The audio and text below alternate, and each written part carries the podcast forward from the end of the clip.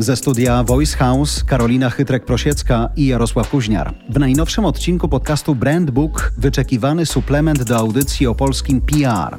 Swego czasu w ślad za pewną kampanią informacyjną rozmawialiśmy między sobą w studio o tym, dlaczego PR chce powalczyć o swój własny PR.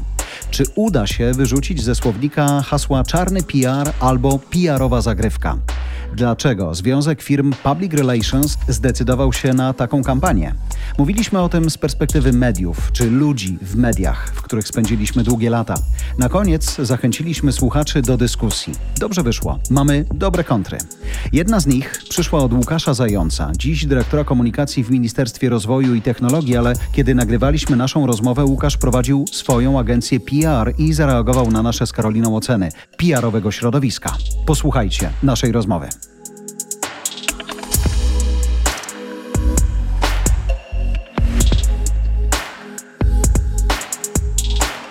PR-owiec, czyli kto? PR-owiec osoba, która tłumaczy świat, która tłumaczy firmę i osoba zaufania. Dla mnie to jest ktoś, komu można zaufać nawet dzisiaj, jak tu szedłem, pomyślałem, że jesteśmy trochę jak dyplomaci. No choć są i tacy, którzy powiedzą, że jesteście jak mistrzowie propagandy. Jak na to reagujesz, kiedy słyszysz tego typu definicję twojego zawodu? Propaganda ma taką definicję, bo też sprawdziłem. To jest XVII wiek. Kościół założył tak zwany Urząd do Spraw Propagandy Wiary, do krzewienia wiary. To polegało na tym, żeby zanosić chrześcijaństwo na świat i jednoczyć nowe kraje pogańskie. Więc jakby intencja była dobra.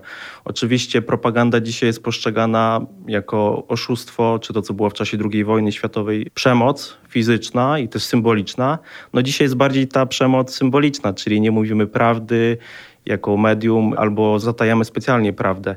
Dla mnie to jest bardziej komunikowanie prawdy. Public relations to jest komunikowanie prawdy. Oczywiście to nie jest takie łatwe, bo nie zawsze klient, firma, organizacja, ktokolwiek chce prawdę powiedzieć. Bo rozumiem, że w tym, co robisz, czy czasem musisz zrobić, jest też chociażby sytuacja kryzysowa, prawda? Tak. Wtedy to public relations może się przydać, bo masz już jakąś relację, czy jakieś relacje zbudowane, no ale siłą rzeczy musisz tę prawdę reglamentować. Do kryzysu przygotowujemy się wcześniej. No to jest jak w życiu. Pewne rzeczy można przewidzieć. Przykładowo, firma ma powtarzające się scenariusze. Może być to jakiś wypadek, może być to jakieś nie niegodne zachowanie ludzkie i tak dalej, i tak dalej. Więc profesjonaliści w PR trochę szacują te ryzyka i możemy się trochę na to przygotować. Oczywiście życie jest życiem, więc są historie nadzwyczajne, więc tutaj dużo zależy od kontaktu z klientem, z osobą, którą reprezentujemy ja zawsze wychodzę od takiego założenia, że mówię, proszę powiedzieć jak jest, a druga sprawa, jak my to opowiemy. Tylko ja muszę znać jakby sytuację prawdziwą. Podobnie jak adwokat. Musi wiedzieć jak jest,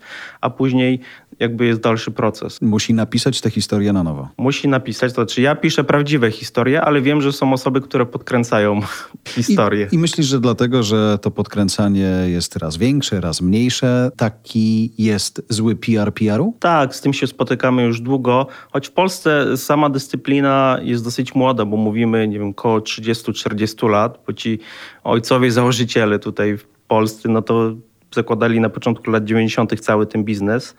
I też jakby trudno powiedzieć, na ile oni dalej reprezentują ten rynek, na ile weszło dużo młodych osób, które jakby jeszcze nie do końca wiedzą, o co w tym chodzi, tak mi się zdaje. Więc... A o co w tym chodzi? Dopytam, a później pójdziemy dalej. Wydaje mi się, że chodzi o to, żeby budować takie profesjonalne zarządzanie informacją. I dzisiaj rola PR-owca to też jest budowanie mediów własnych w firmie tak zwane own media i kilka lat temu duży koncern energetyczny powiedział nawet wprost, że za kilka lat już będą bez mediów funkcjonować i dużo robią w tym kierunku i to się na całym świecie dzieje, co nie oznacza, że dziennikarz nie będzie potrzebny, wręcz przeciwnie, dzisiaj brakuje według mnie dobrych dziennikarzy przygotowanych z warsztatem, też znających rolę pracy czy specyfikacji PR-owca, bo ja nie uważam, że jesteśmy po jakby przeciwnych stronach barykady, tylko jesteśmy bardziej współpracownikami, bo jeden i drugi potrzebuje informacji. To prawda. Jakby informacja dzisiaj stała się też produktem i wielu się na to zrzyma, ale nawet chwilę przed audycją rozmawialiśmy sobie o subskrypcyjnym modelu. Model subskrypcyjny no to jest model sprzedawania treści, a treść no, jest informacją czasami, prawda? Natomiast y, to ciekawe, o czym mówisz, że dzisiaj firmy coraz, może zakładam, coraz częściej wiedzą, że muszą mieć własne media, ale z drugiej strony natura mediów to jest, jak sam zasugerowałeś, to jest y, kolportowanie czy pokazywanie prawdziwych historii. Natomiast wydaje mi się to, co zwykle ciągle jednak rozstawia nas, dziennikarzy i was, PR-owców, po dwóch różnych stronach barykady, to sposób, w jaki czasem nawet ten sam wątek opowiadamy. On w przypadku PR-u jest zawsze bardziej pozytywny niż w przypadku opowieści dziennikarskiej. To prawda. Klienci w dużej mierze oczekują od nas, że będziemy w bardzo pozytywnych barwach pokazywać różne wydarzenia czy instytucje, ale czasami PR to właśnie niezabieranie, taka umiejętność niezabierania głosu, kiedy nie trzeba.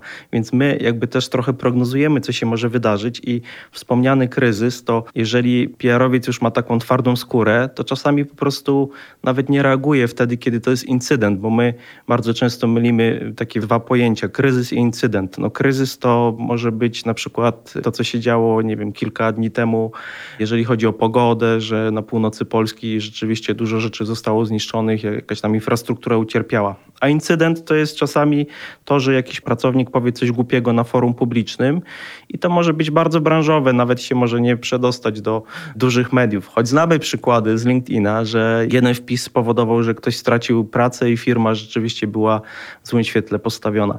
Więc to jest ta umiejętność rozeznania, kiedy zabierać głos, kiedy nie, kiedy być adwokatem sprawy. Dzisiaj, jak popatrzysz na swoje doświadczenie zawodowe, to masz poczucie, że praca PR-owca staje się coraz bardziej trudna? Jest coraz bardziej wymagająca. Ale wymagająca z uwagi na rynek, konkurencję czy klientów? Wymagająca ze względu na wszystkie te elementy, wymagająca przede wszystkim ze względu na świat, który jest bardzo skomplikowany. Jeżeli my mamy tłumaczyć ten świat, to trzeba go rozumieć, więc osoby, które wchodzą do tego zawodu, powinny mieć naprawdę takie głębokie humanistyczne podejście, ale to i za mało, bo z jednej strony to jest połączenie i humanisty, i inżyniera, bo przygotowanie strony, serwisu, aplikacja, w ogóle zrobienie całego procesu sprzedaży, bo my często nie jesteśmy tylko dodatkiem do marketingu, że coś opowiemy, tylko ja wyznaję taką szkołę PR-u, że ludzie od komunikacji pojawiają się, kiedy się pojawia pomysł, na przykład na nowy produkt, na nowe dzieło, na nowy, nie wiem, jakąś usługę, bo my już zastanawiamy się, jak to opowiedzieć. Niestety, często w firmach tak to wygląda, że zrobiliśmy coś, to bierzcie to i teraz nagłaśniajcie. W Polsce ten rynek usług, on jest jeszcze według mnie podzielony jakby na takie dwa obszary, nawet trzy. Pierwszy to są korporacje zagraniczne i one wiedzą, jakim językiem mówić, czego chcą dokładnie już na poziomie przetargu. My wiemy, co zrobić i nawet często za te przetargi płacą, co w Polsce bardzo rzadko się dzieje. Chyba OLX ostatnio powiedział, że będzie w ten sposób płacił, czyli że uczestniczysz w przetargu, nawet jeżeli nie wygrasz, ale pracowałeś, więc dokładnie, dostajesz pieniądze. Dokładnie, bo to jeszcze mało osób zauważa, że my nie jesteśmy jakby do tego, żeby robić dobre wrażenie, tylko ja patrząc po sobie, że 60% swojej pracy, nawet 70%, to jest myślenie. Później jest dodatek pod tytułem spotkania, opakowanie czegoś, ale bardzo często jakby ten, ten nasz największy wkład to jest myślenie. Jeszcze tylko dokończę wątek. Drugi klient to są te e, firmy średnie, często duże, ale właścicielskie, gdzie od niewielu lat może się już pojawił poważny marketing, więc my jeszcze jesteśmy takim kwiatkiem do kożucha niestety. I trzeci poziom no to są mikrofirmy, czy bardzo małe, które de facto nie mogą skorzystać z naszej pomocy, a bardziej jakieś marketingowe rzeczy potrzebują, bo te budżety są bardzo ograniczone. Trzeba pamiętać, że nasza praca to nie są tylko godziny jakby za wiedzę, ale też są wdrożenia. Trzeba coś zamówić, trzeba grafika wynająć, trzeba salę wynająć i tak dalej, i tak dalej. Więc ten rynek jest według mnie, no to jest jakby trochę inna rozmowa, ale jeszcze potrzebujemy 10-15 lat, żeby do kolegów w Niemczech, czy już nie mówiąc w Anglii, czy w Stanach Zjednoczonych, gdzie to się narodziło, wow. żeby dorosnąć do tego. Ale to mnie. długo. To dużo czasu. No to długo. Ja mam taki pomysł. Pomysł jest taki, żeby ludzi, którzy przychodzą na MBA, na jakieś studia podyplomowe, mam na myśli menadżerów, żeby więcej też uczyć PR-u.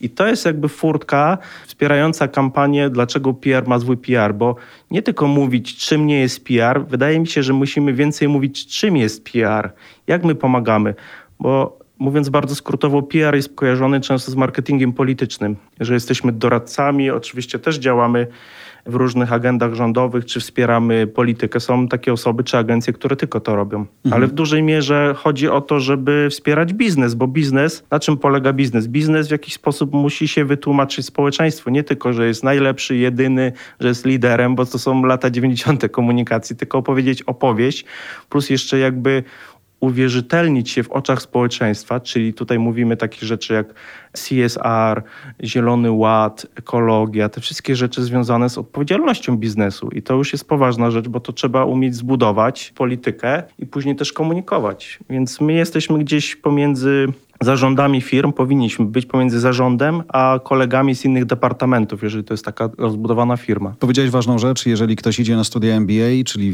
wiemy, że chce rozwijać się biznesowo mocniej niż do tej pory, powinien wiedzieć więcej o podstawach PR-u. Dziś masz takie poczucie pracując z biznesem, że wciąż to jest zbędna rzecz, dodatkowy koszt, coś, co może poczekać i nie musimy tego mieć teraz? Wydaje mi się, że tak, że temat jest trochę szerszy, bo ogólnie w marketingu, w komunikacji też jest jakby w pewien sposób, użyję takiego słowa, fetyszyzacja pewnych wskaźników pomiaru, czyli na przykład odsłony, ilość odsłuchań. Mhm. Sam pracujesz w tym biznesie, więc wiesz też, jak to wygląda. I tutaj się pojawi jakby takie patrzenie, jest potrzeba patrzenia szerokiego, bo jeżeli ja powiem firmie, że byłem na kilku spotkaniach i dzięki temu nasza firma w pewnych kręgach, bo decydenci dla firm, czyli ci interesariusze, to nie, nie zawsze muszą być tysiące, miliony osób. Czasami jest to kilka spotkań z tak zwanymi liderami opinii, no i później jakby z tego zrobić raport. Ja czasami robiłem taki raport. Powiedziałem, że się spotkałem z tą czy z tamtą osobą, opowiedziałem, co się u nas w firmie dzieje i tak samo na przykład z dziennikarzami się spotykam nie tylko po to, żeby zawsze coś przekazać, tylko po prostu, żeby zbudować relacje. I teraz proszę powiedz mi, jak to, w jaki wskaźnik to relacyjność, no można powiedzieć, nie wiem, ilość Bardzo spotkań. Proste, ale to wymuszają klienci. I jaka była liczba publikacji na nasz temat? Zbudowałeś relację z dziennikarzem, czy w jego medium pojawił się artykuł na nasz temat? Tak, tylko to jest jedna część, bo publikacje, mhm. wiele rzeczy dzieje się w kuluarach. Też pamiętam, jak w pewnym momencie zarządy firm, to się po jakimś czasie zorientowałem, że dużo rzeczy na polu golfowym załatwiają, gdzieś na wspólnych wakacjach, naprawdę poważne akwizycje, tak, gdzieś były jakby poza biurem robione. I ten taki aspekt relacyjny, więc jeżeli osoba nie jest w stanie aktywnie podejmować takiej pracy nad sobą, że jest w stanie z każdym porozmawiać i też ma coś do powiedzenia, bo to nie jest tak, że, mm. że tylko się wizytówkami wymieniamy. Jeżeli ktoś tej relacyjności nie zbuduje, to na pewno w biznesie będzie trudno, trudno, ale tak, jeszcze wracając do publikacji. Oczywiście klienci rozliczają nas z tego, choć publikacje to nie są tylko media tradycyjne, to są wszystkie mhm. social media, to są też te kanały własne, na przykład newslettery. To też jest wielki temat. Wiele firm jeszcze tego nie wykorzystało, że może mieć bardzo fajne medium i to można policzyć, ile tych newsletterów wysłaliśmy. Są bazy, niektóre firmy mają takie bazy danych, że prześcigają media. Tylko Pytanie, jak to wykorzystują. Tak. Dziś zawód PR-owca to jest bliżej zawodu sapera? Od czasu do czasu jesteśmy saperami, ale często jesteśmy snajperami. Czyli klienci też dają nam nie za duże budżety, więc nie możemy zaszaleć tak jak duże agencje reklamowe, czy jakieś takie całe, można powiedzieć, duże biznesy medialne, gdzie są kilku czy kilkunastomilionowe budżety, więc musimy zastanawiać się, tak jak snajper ma operatora, czyli ta osoba, która z lornetką się przygląda, co się dzieje i w pewnym momencie wykonać ten ruch. Więc może nasza praca rzeczywiście czasami nie jest taka spektakularna, bo jest po prostu biurko, telefon, Excel, internet, ale od czasu do czasu robimy taki złoty strzał i rzeczywiście wtedy widać, że coś się udało domknąć. Lubisz ją? E, lubię ją i prawdopodobnie już jej nie będę zmieniać i ona oczywiście wymaga cały czas dokształcania się. Niedawno ukończyłem studia zarządzania przez proces designu, czyli taka nowoczesna metodyka zarządzania całym procesem. Teraz na przykład zobaczyłem, że jest duże zapotrzebowanie na usługi public affairs. Widzimy, jak rząd komunikuje albo nie komunikuje, albo nie ma na przykład konsultacji publicznych, więc są też potrzebni pośrednicy między firmami, zrzeszeniami firm, a rządem, więc public affairs to jest na kolejne lata, brakuje dużo specjalistów w Polsce i polecam, żeby się tym zajmować. My zaczęliśmy tę audycję i też powód, dla którego my się spotykamy tutaj w studiu, odpowiedziałeś na nasz apel, żeby pogadać chwilę o tym, dlaczego PR w Polsce ma zły PR. Ile czasu potrzeba, żeby to się zmieniło? Trudne pytanie, ale w PR-ze ogólnie jest długi okres czasu. Długi okres to jest kilka lat na jakieś kampanie takie udane. Często w biznesie te kampanie są na jeden rok, ale jak patrzymy na te najmądrzejsze brandy, to jest kilka lat i tutaj myślę, że cierpliwość popłaca. Niestety, jak biznes jeszcze jest cały czas na granicy opłacalności, to nie ma cierpliwości, bo jest tylko wynik, więc my często też współpracujemy z firmami, które mają trochę taki spokojniejszy oddech, że nie, nie czujemy cały czas właściciela, który chce, żebyśmy robili. No chyba, że jest kryzys, no to mhm. wtedy trzeba od razu działać. Ale zazwyczaj to jest rolnictwo. Siejemy, pojawiają się różne pory roku, czasami nawozy podrożeją i tak dalej, więc my jesteśmy od społeczeństwa mocno związani. Trochę tych analogii fajnych jest, ale rzeczywiście myślę, że żeby wykiełkowała, użyję jednej z nich, dobra historia potrzeba czasu, prawda? Dziś szczególnie, kiedy kontentu jest sporo, a skoro firmy zaczynają własny kontent produkować, no to ich konkurentami stają się media, więc trafienie do słuchaczy, do widzów, do czytelników z własną opowieścią przestało być łatwe. Przestało być łatwe i to jest po naszej stronie zadanie też, po stronie PR-owców, że czasami mam wrażenie, że bardzo pobieżnie podchodzimy do jak to ładnie mówimy, mapowania interesariuszy, czyli mówiąc po polsku,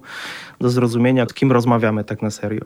Bo nawet od czasu do czasu ze studentami robimy jakieś zajęcia, budując grupy docelowe, to widać, że to jest takie bardzo podręcznikowe, a tak na serio, jakby się nie zanurzyli po pierwsze w badania socjologiczne. Akurat jestem z wykształcenia socjologiem, więc ja zawsze lubię przypisy do czegoś.